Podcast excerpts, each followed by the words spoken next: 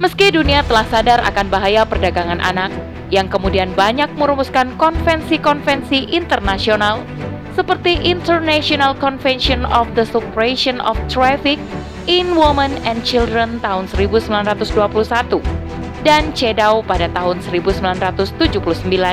Namun semua upaya mereka ternyata menuju kegagalan sebab penyelesaian yang mereka tawarkan hanya berputar pada penanganan masalah. Namun, membiarkan faktor utama masalah, yakni kapitalisme, tetap ada. Selengkapnya, tetap di podcast Narasi Pos Media.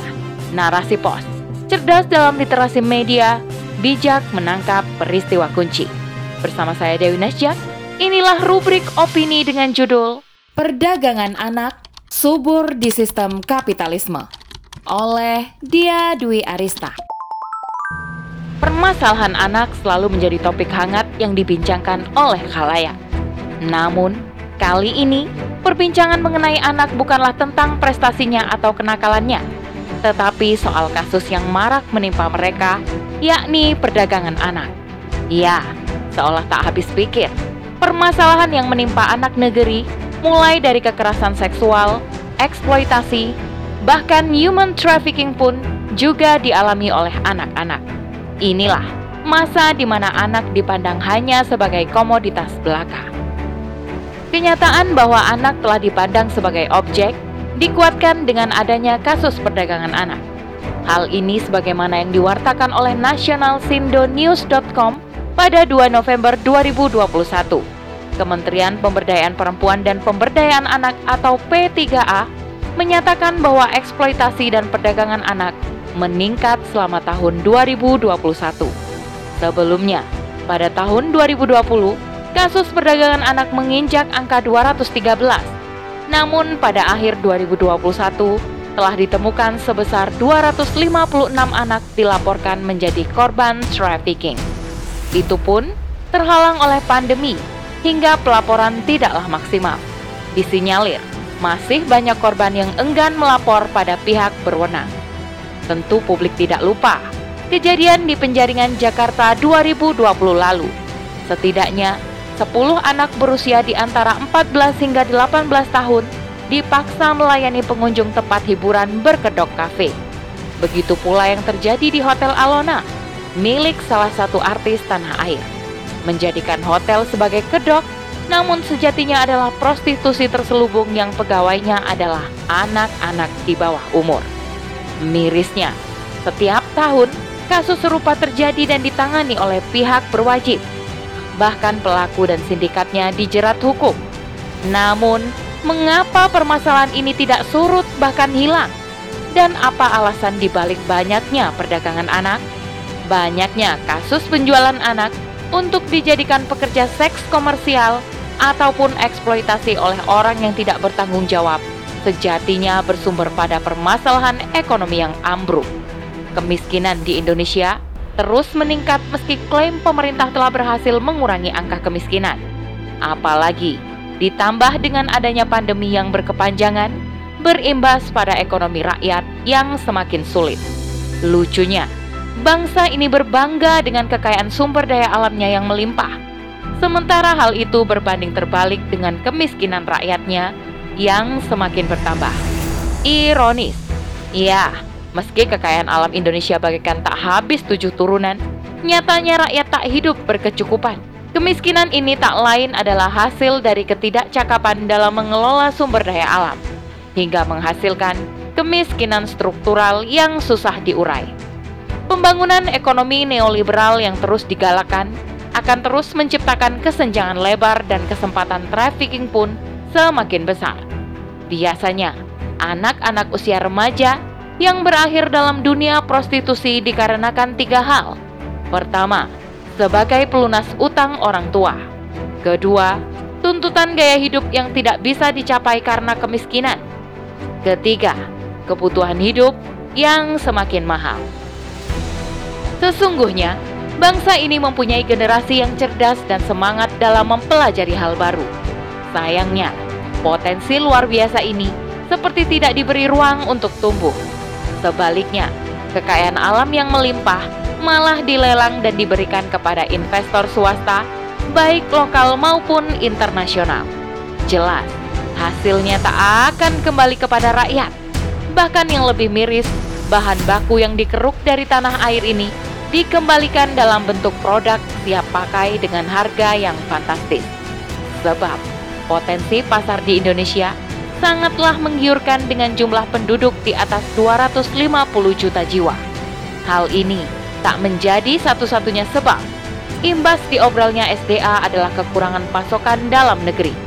Sebagai negara penganut ekonomi kapitalis sejati, Indonesia pun akhirnya hobi mengimpor barang-barang dari luar. Sebab keanggotaannya dalam WTO atau World Trade Organization mengharuskan member mengimpor setiap tahunnya butuh ataupun tidak.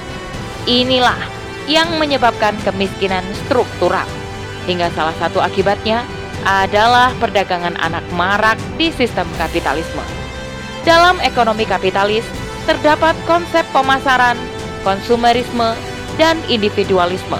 Ketiganya kemudian menghasilkan sebuah logika bahwa segala hal dapat dijadikan komoditas dan dikomersilkan.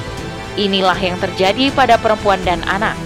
Karena menganggap perempuan dan anak sebagai komoditas yang dapat menjadi jalan meraup keuntungan, maka jalan ini pun diambil. Padahal, Indonesia sendiri telah meratifikasi Convention on the Elimination of All Form of Discrimination Against Women atau CEDAW dengan Undang-Undang Nomor 21 Tahun 1984 dan dilanjutkan dengan Undang-Undang Nomor 21 Tahun 2007 tentang Pemberantasan Tindak Pidana Perdagangan Orang atau TPPO. Namun, kasus serupa tetap terjadi. Sebab persepsi anak sebagai komoditas terus menguat seiring berkembangnya industri hiburan, baik dalam bidang pertelevisian maupun pariwisata. Anak-anak kemudian ditarik sebagai daya jual dan mengunggulkan seksualitasnya. Meski dunia telah sadar akan bahaya perdagangan anak, yang kemudian banyak merumuskan konvensi-konvensi internasional seperti International Convention of the Suppression of Traffic in Women and Children tahun 1921 dan CEDAW pada tahun 1979, namun semua upaya mereka ternyata menuju kegagalan sebab penyelesaian yang mereka tawarkan hanya berputar pada penanganan masalah. Namun, membiarkan faktor utama masalah, yakni kapitalisme, tetap ada. Indonesia, bahkan dunia, butuh solusi mengakar dari adanya human trafficking. Solusi ini haruslah yang dapat menghilangkan perdagangan anak dan tidak membiarkan adanya celah sedikit pun untuk eksploitasi dengan cara perdagangan anak dengan tujuan apa pun. Solusi ini adalah dengan diterapkannya syariat Islam dalam tatanan kekhilafahan. Kebijakan yang dapat diambil khilafah dalam pencegahan dan penyelesaian masalah ini adalah dengan penerapan sistem ekonomi Islam. Politik ekonomi Islam memberikan jaminan terpenuhinya kebutuhan pokok setiap rakyat, mulai dari sandang, pangan, dan perumahan yang terjangkau. Begitu pula dengan pendidikan, kesehatan, dan keamanan menjadi tanggung jawab negara terhadap rakyatnya. Sedangkan kebutuhan sekunder akan terpenuhi sesuai kadar kehidupan yang layak yang mampu dipenuhi sendiri oleh rakyat dengan mekanisme nafkah. Pemberian nafkah kepada keluarga mengharuskan laki-laki bekerja. Dalam hal ini, negara juga tak serta-merta berlepas tangan. Namun, negara juga memastikan bahwa setiap laki-laki mendapatkan pekerjaan. Hal ini akan menciptakan kesejahteraan sekaligus menghilangkan kemiskinan struktural. Selain itu, Ketakwaan adalah salah satu faktor yang sangat penting untuk mengerem tindak kejahatan. Dalam hal ini, khilafah akan membentuk ketakwaan individu dalam program pendidikan terstruktur. Tak hanya itu, pembentukan ketakwaan individu akan dimulai semenjak anak ada di rahim ibunya, berlanjut dalam pendidikan dalam rumah, lingkungan, dan terakhir dalam lembaga pendidikan formal. Dengan demikian, adanya pelayanan yang menyeluruh dari negara atas kebutuhan pokok dan ketakwaan individu yang terjalin di dalam rumah, masyarakat, dan lembaga pendidikan, maka dengan izin Allah Subhanahu wa Ta'ala, perdagangan anak akan bisa dihentikan. Bahkan tidak tercetus pemikiran untuk mengeksploitasi anak sebagai dagangan, sebab jelas sekali Nabi Muhammad SAW telah bersabda yang diriwayatkan oleh Imam Tirmizi. Bukan termasuk dari golongan kami orang yang tak menyayangi anak kecil dan menghormati orang tua.